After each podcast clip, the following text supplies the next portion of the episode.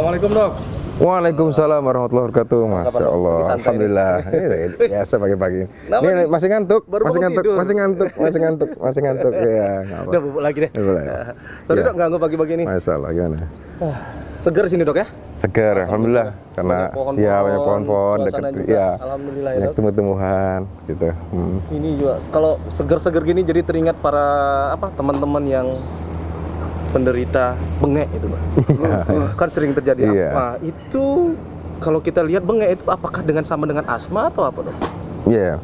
Jadi dalam kita masyarakat kita memang mengenal asma itu sebagian mengenalnya dengan sebutan bengek ya, Hmm. bengek. Jadi ditandai dengan penyakit yang apa? eh, mungkin karena bunyinya itu ngek ngek ngek gitu ya. Jadi bengek. Cenderung cenderung napasnya iya, Dok, ya? berbunyi. Nah, Jadi malah yang simpelnya kalau kita di suasana cuaca yang pagi dingin gitu ya, kita merasa sejuk ya. Tapi buat saudara-saudara kita yang memang menderita bengek ya, nama lainnya memang asma Oh iya. itu memang malah bisa memicu penyempitan saluran napas sehingga malah napasnya malah bunyi dan jadi sesak memang seperti itu Jadi ya. bengek itu Bengek memang sa equal sama dengan asma. iya itu hanya ist- istilah yang sering dipakai untuk di Indonesia ya Iya. Karena kan kasihan kadang-kadang kita lihat sampai napas bahkan ada yang membawa alat sampai nyemprot. iya bersumber sendiri ya begitu Jadi asma itu sendiri kan ada sebagian berpendapat asma itu bahwa apa namanya penyakit yang disebabkan oleh beberapa hal. Apa sebenarnya penyebabnya itu apa, Dok? Cara ke dokter apa sebab Iya. penyebab asma atau bengek Dok? yang harus kita pahami bahwa asma itu adalah salah satu penyakit yang diturunkan Oh. dalam artian bahwa sebagai asma itu sangat kuat kemungkinan terjadi bila dari faktor keluarga mungkin ayahnya ibunya atau kakaknya pamannya kakeknya neneknya itu ada yang mempunyai riwayat penyakit yang serupa atau asma. Oh. sehingga dia terbawa genetik. Walaupun eh, dalam eh, kenyataannya tidak selalu bahwa orang tua yang asma bahkan anaknya asma juga. Belum tentu juga. Kadang-kadang kakeknya asma cucunya yang asma. Nah, seperti itu. Jadi asal muasalnya adalah suatu bakat yang diturunkan. Dia termasuk salah satu bagian dari penyakit alergi jadi dasarnya adalah suatu sifat alergi yang diturunkan dan alergi ini terjadi di saluran nafas Oh, di saluran di nafas. saluran nafas ya. Mungkin mendengar mungkin ada alergi yang misalnya orang gatal-gatal. Nah, Itu alergi juga, tetapi alergi di kulit. Oh. Ada yang suka bersin-bersin, nah, itu alergi juga mungkin, tetapi alergi yang di hidung. Nah, khusus asma adalah penyakit alergi yang yang dia diturunkan dan dia terjadi atau mempengaruhi saluran napas, batang saluran napas sehingga pada saat terjadi serangan terjadi penyempitan, banyaknya lendir dan itulah gejala-gejalanya nanti timbul akibat proses tadi. Jadi asma, bengek itu karena sama eh, itu sama dengan karena Ya identik yang- sama eh, ya bisa dikatakan dia eh, sebagian besar dia karena ada unsur alergi ya seperti itu. Oke, dok. Kalau kita tahu bahwa dia kan kadang-kadang ada yang sesak napas biasa, ada yang sesak napas ini, yang bisa kita kategorikan mengetahui apakah itu memang serangan asma atau sekedar eh, sesak nafas atau apa, itu gimana dok? Ya biasanya asma ini sebenarnya sebenarnya tidak sulit untuk dikenali.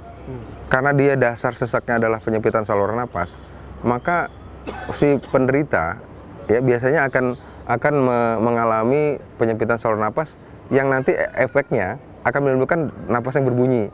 Ya mungkin kita ngik ngik ngik, sesak ngik gitu ya atau atau mungkin eh, cuman sekali napasnya itu eh, eh, sesak tapi eh, hanya sekali-sekali ada ngik itu itu itu biasanya udah udah suatu ciri khas asma. Selain juga bahwa ini sifat sesaknya itu adalah kadang ada kadang kambuh kadang enggak sifat lainnya adalah dia berulang. Nah seperti itu. Nah kalau uh, bisa juga dengan batuk bisa juga tanpa batuk ya, tetapi kalau dengan gejala khas tadi yang udah napasnya berbunyi berulang kemudian terjadi pada sikon-sikon atau situasi tertentu maka boleh jadi dia memang menderita asma seperti itu Jadi seperti kata dokter tadi bahwa asma identik dengan alergi. Iya. Cenderung dia ber- berupa alergi yang berhubungan dengan udara atau makanan atau ada ada hal-hal tertentu dok? Iya. Jadi dalam asma itu ada yang namanya pencetus. Pencetus. Nah, pencetus. Jadi Oke. Eh, pencetus ini bisa sesuatu yang bersifat alergi, misalnya Hmm. ada orang sering orang asma itu dia misalnya makan udang, sesek ya. Ada yang misalnya karena eh, misalnya karena kena uh, ulat gitu sesak. Nah itu berhubungan sama alergi ya atau atopi. Tetapi uh, sering juga yang justru adalah asma ini uh, pencetusnya biasanya uh, hal-hal yang sifatnya umum-umum saja. Misalnya uh, kecapean. Orang kan sering kecapean ya, nggak bisa terhindarkan ya. Orang atau dia karena pilek, dia asmanya kambuh. Nah itu kan sesuatu yang sifatnya umum dan dan ini justru yang sering terjadi itu adalah pe- pencetus asma itu adalah sifat yang sesuatu yang tak terhindarkan. Seperti dingin, kecapean, pilek itu kan sesuatu yang sangat lumrah terjadi. Nah, itu seperti itu. Nah, jadi kalau alergi dia bisa juga misalnya karena makanan atau apa yang bisa mencetuskan asma seperti itu. Ya. Jadi jadi kalau pada penderita asma yang sudah ter, ter- pen- menderita asma sendiri dia harus tahu apa pencetus dari asma tersebut. Iya, tepat sekali ya. Jadi Jadi misalnya co- contoh ya dok, misalnya Ana kena asma, hmm. Ana tahu bahwa Ana eh, kena itu gara-gara makan makanan laut, contoh Ya. seafood gitu. Tapi untuk apakah akan ada kalau bukan hanya makanan laut aja, Ana misalnya sekarang makanan laut ya Hmm. dok. Tapi apakah kemungkinan Ana juga alergi terhadap yang lain bisa mencetus asma atau ada dua pencetus gitu dok? Iya. Apa cuma satu pencetus saja untuk setiap orang? Ya, jadi yang harus dipahami oleh setiap penderita asma itu benar sekali bahwa dia harus tahu pencetus dia apa. Hmm. Anda apakah pencetus dia itu yang sifatnya umum seperti saya bilang tadi atau pencetus yang sifatnya khusus, individual banget lah istilahnya. Ya, gitu. ya, dok. Ya, Contohnya, oh saya ini memang asmanya kalau makan cumi atau udang misalnya, itu kan spesifik. Ya, ya. Jadi itu dia harus ingat bahwa itu ini. Dan kemudian masalah apakah eh, setiap orang sama itu beda-beda, ya. Jadi nggak setiap orang harus eh, yang sifatnya khusus itu memang individual banget, ya.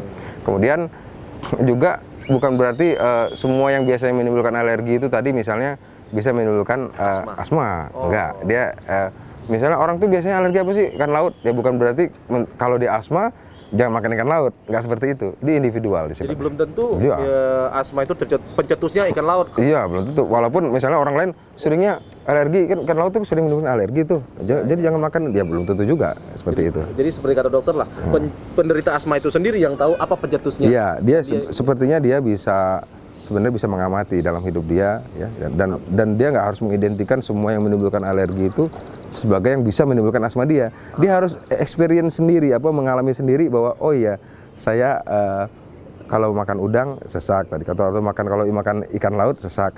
Nah, tetapi nggak nggak nggak semuanya bisa menimbulkan sesak pada dia. Dan dan satu lagi yang penting adalah sifat suatu penyakit alergi itu kadang-kadang dia sifatnya nggak mesti bahwa saya ini kan dulu biasanya kalau saya makan makan udang tadi nggak apa-apa kok sekarang jadi sesak itu bisa terjadi Bisa terjadi. iya karena itu yang disebut dengan alergi yang tipe lambat nah pada alergi yang tipe lambat itu biasanya sudah berulang-ulang dia makan baru dia dampaknya Iya, dampak se- negatif itu sering terjadi tau. Iya. Beberapa orang begitu alergi, kemarin aku habis makan ini nggak apa-apa. Kenapa kok sekarang makan? Iya. ini? Apakah karena makanan aku makan makan ini seperti? Iya. Jadi kemungkinan itu yang itu alergi tipe lambat. Ya, Jadi ya tipe tipe lambat. dia delayed. Delayed artinya di telat belakangan. Dia dia harus sensitasi atau perangsangan berulang-ulang dengan dengan zat yang sama baru terbentuk di dalam badannya eh, alergen itu tadi, eh, reaksi alerginya seperti itu. Ya. Jadi dok, seperti kata dokter tadi kan eh, aler apa eh, asma atau bengek ini penyakit turunan, termasuk Iya. salah satu penyakit turunan. Apakah al- asma itu bisa disembuhkan dok? Itu jadi pertanyaan yang jadi Iya. di pikiran anak. Kalau turunan ini sulit loh eh, Iya. untuk disembuhkan. Apa memang ada penyembuhan atau enggak gitu kan? Nah, jadi ini yang penting juga diingat untuk penderita asma ya. Jadi karena dia sendiri memang prinsipnya adalah penyakit yang diturunkan atau suatu bakat. Kita tahu bakat memang tidak bisa dihilangkan. Nah, seperti itu. Jawabannya sudah jelas. Jadi sama seperti halnya seorang alergi tadi. Gimana caranya supaya saya tidak alergi lagi makan udang? Memang sampai sekarang belum belum bisa di dalam artian oh oke apa eh, asmanya eh, eh, bisa disembuhkan? Istilahnya sampai seumur hidup eh, mau apa pun yang terjadi pada diri anda asmanya nggak akan kambuh. Itu tidak seperti itu. Tetapi asma bisa dikontrol. Artinya bakat itu akan tetap ada. Tetapi kehidupan eh, penderita asma sekalipun dia berat asmanya bisa diperbaiki atau dikondisikan supaya mirip seperti orang yang tidak asma. Seperti itu. Dengan dengan cara macam-macam dengan dengan cara preventif dengan cara pengobatan rutin semprotan segala macam yang sifatnya sudah disesuaikan dengan konsultasi dengan dokter. Nah tapi kalau yang dikatakan sembuh itu adalah hilang total bahkan bakatnya pun hilang itu tidak bisa karena itu memang memang Bawaan udah dari- turunan iya seperti itu. jadi memang tidak bisa ditemukan total tapi masih bisa dikontrol Iya, ya, iya. dengan pola hidup Contoh seperti inilah mudahnya ya. Ada orang bakatnya misalnya rambutnya itu memang warnanya eh, hitam kayak kita ya. Ah, gimana sih bisa nggak saya rambut hitam tuh jadi pirang? Ya, ya bisa saja dicat kalau udah udah mulai ini lagi. Nah itulah kira-kira begitulah kita memaintain, memaintain supaya dia tetap pirang misalnya. Nah gitu contohnya ya. Iya, iya, dok. bukan bukan menyuruh ya. itu contoh. ya seperti itu. Jadi gimana kita mengontrol dan memaintain untuk tetap posisinya Iya, seperti itu. Dan maintain itu tergantung derajat asmanya. Hmm. Kalau asma yang ringan-ringan saja, dia cukup maintain atau eh, memelihara kondisinya dengan cara menjauhi pencetusnya.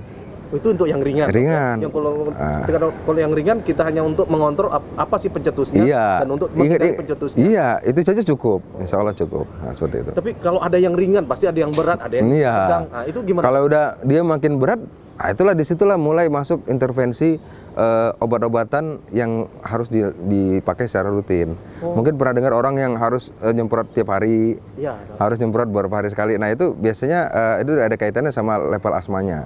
Biasanya kalau level lanjutan, kalau dengan pencegahan saja tidak tidak bisa, biasanya kita menyertakan obat semprot untuk untuk maintenance. Istilahnya itu controller. Controller itu bahasa Indonesianya kan pengontrol. Pengontrol. Jadi dikontrol terus, dikontrol, dijaga terus dengan. Jadi semprot itu bukan hanya hanya asal semprot ya. Nah, jadi ah, itu tadi mungkin agak lebih dalam sedikit. Untuk penderita asma itu ada dua macam semprot sebenarnya. Oh, gitu, dok. Jadi tolong bedakan antara namanya controller dan reliever, ya. Controller Dan reliever. Iya. Controller bahasa Indonesianya pengontrol, atau pen- pemainten, pemainten, nah, maintenance, penjaga lah Ya, ya. penjaga. Kalau reliever artinya membebaskan. Apa kenapa disebut membebaskan? Karena dia khusus dipakai pada saat seseknya datang buat ngilangin sesek. Jadi semprot itu ada buat ngilangin sesek, ada buat menjaga supaya sesek tidak datang. Ini ini harus dipahami sekali nanti. Jadi kalau ada yang berobat ke ke dokter, pesan saya, tolong tanyakan ke dokternya. Semprotan ini reliever atau controller? Insya Allah dokternya paham itu nanti akan diterangkan. Karena pemakaiannya beda. Kalau yang satu itu lebih sifatnya sebagai rutinitas, yang controller. Dok. Kalau yang reliever sifatnya tidak rutinitas. Jadi jadi kalau tadi asal semprot, nah itu tadi bisa terjadi. Yang harusnya tiap hari disemprot sekali-sekali, yang harusnya sekali-sekali disemprot tiap hari. Nah, itu paling sering terjadi penderita asma ya. Karena karena kan saya eh, saya sebagai orang awam lihat mereka asal oh, sering lihat orang semprot itu sebenarnya semprot. Ya, kita kan nggak tahu tuh. Iya. Kalau nggak seperti ini, alhamdulillah kita ada Iya. eh, anda banyak Alhamdulillah. dokter jadi tahu bahwa Iya. ternyata asma itu ada ada Semprotnya ada iya, yang, uh, controller, ada reliever. ya itu itu sangat penting karena sekali lagi itu nanti eh, itu kan ke arah eh, pemakaiannya supaya jangan jangan salah Eh, salah salah ya pemerintah- penderita iya, sendiri, iya. ya. Oke dok, satu lagi yang mungkin jadi jadi pertanyaan anak. Sampai sebatas apa bahwa uh, asma itu perlu pertolongan medis? Eh, Dalam, di- dalam eh, arti kata memang harus dibawa ke rumah sakit. Oh iya atau, ya. atau Serangannya, Ah, serangannya ya, ya bagaimana? Ya jadi kalau kita sebutnya kekambuhan ya. Iya, Nah, Jadi kekambuhan gimana? Biasanya kalau sudah namanya kekambuhan itu biasanya orang langsung secara otomatis dia mencari pertolongan ke rumah sakit. Iya. Nah, cuma bedanya sekarang mana yang mungkin termasuk yang berat, mana yang ringan ya. Kalau yang misalnya kekambuhan ringan, biasanya orang misalnya punya di rumah punya alat sendiri untuk penguapan ya istilahnya itu nebulizer, Uh-uh. itu bisa ya.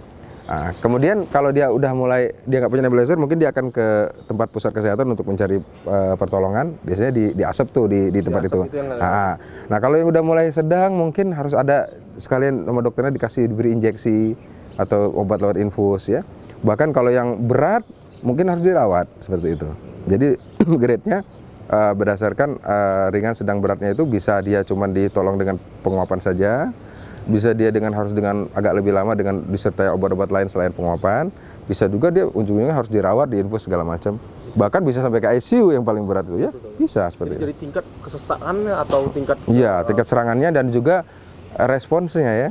Ya kalau dia sesak nggak terlalu berat tapi nggak hilang-hilang ya diopname juga itu gitu. Oh, iya, betul. kalau nggak hilang-hilang gimana ya? Nah, sesaknya. Ya. Alhamdulillah. Iya. Jadi banyak hal kita tahu banyak hal tentang asma. Di Bincang-bincang kita gini, kita anak pribadi dapat dapat tahu bahwa Iya. apa sih asma tersebut. Iya. Yang selama ini orang cuma berpikir seseorang cuma sesak napas saja. Iya. Tapi kita nggak tahu apa itu pencetusnya Iya, uh, dan betul. obat-obatannya. Alhamdulillah. dok. Satu lagi ini yang mungkin saya tambahkan ini sering ada istilah saya tidak mau pakai obat semprot karena takut ketergantungan. Mungkin pernah dengar ya? Iya, iya, nah betul, ini ini harus diluruskan. Jadi jadi ketergantungan atau addiction itu nggak bisa disamakan pemakaian obat asma itu sama seperti kita addiction misalnya terhadap rokok atau narkoba itu ya. Oh. Kesannya itu seperti kalau nggak pakai itu bisa apa istilahnya itu yang Kecanduan gitu. kecanduan bukan seperti itu. Jadi uh, jadi yang disebut itu adalah seperti kita itu yang disebut ketergantungan sama seperti kita kalau lapar kita makan. Ah, Benar kan? Iya, iya. Apa kita bisa disebut bahwa kita ketergantungan pada makan? Enggak, itulah hajatnya. Nah, sebagai pasien asma, hajatnya adalah terhadap obat semprot. Jadi kalau dia sesak, dia semprot. Apa itu ketergantungan? Ya enggak, sama seperti kalau orang lapar ya makan. Ya beda dengan addicted atau ketergantungan itu yang yang kita sebut biasanya pada orang-orang narkoba itu ya, yang kalau dia nggak nggak nyuntik sehari dia bisa eh, macam-macam. Nah, itu jadi harus dibedakan. Dan apa pun yang sifatnya memang pada tempatnya, memang dibutuhkan dan memang itu yang itu dan itu insya Allah itu itu itu itu tidak akan membawa mudarat apa apa memang dibutuhkan kok sama seperti kita hajat hidup kita sehari-hari. Jadi pesan saya pada penderita asma tidak usah takut ya. Dan bukan berarti ini kebalik lagi satu lagi adalah image bahwa kalau udah pakai semprotan itu berarti ini asma saya ini udah berat. Belum tentu kalau asma-asma yang dipakai eh, yang untuk misalnya untuk ngilangin sesak itu dibandingkan sama tablet yang beli sembarangan di tablet apa yang beli-beli di apotek ya. Saya lebih menyarankan pakai obat semprot daripada untuk untuk asma-asma ringan. Jangan langsung main-main tablet-tablet saja karena tablet itu dosisnya terlalu tinggi. Oh, dan dan justru obat-obatan asma itu jauh lebih berbahaya pada yang obat-obat yang dimakan daripada yang disemprot. Untuk dari segi side effect jangka panjang. Ya, ya maka orangnya sekarang kan zaman sekarang justru kebalik.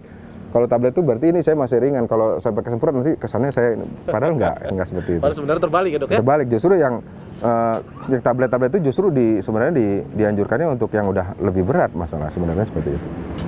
Jadi kalau saya boleh rangkumkan masalah asma ini, jadi seorang penderita asma itu berarti eh, penyakit asma itu cenderung diturunkan ya dok ya? Turunkan. Jadi bukan harus bukan lihat- menular ya. Ah, Nah, ini bukan menular, beda ya. Turunkan ya. Turunan dari mungkin dari orang tua Iya, atau bisa. kakek atau Ah, iya, bisa. Jadi kita paling nggak kita harus tahu riwayat dari Iya, dari keluarga kita Dan di kita mana. harus membagi peringatan juga ke anak-anak kita Iya, bahwa bisa jangan ada malu, risiko, Tapi, eh, jadi iya. masing-masing punya. Kemudian masing-masing penderita asma itu harus tahu pencetusnya apa. Iya, Jadi pencetusnya supaya dia apa. bisa mengkontrol apakah Iya. eh, kapan apakah apa yang harus dihindari, ya, ya, iya, gitu. Dan ketiga, jangan takut dengan Obat alat semprot ya.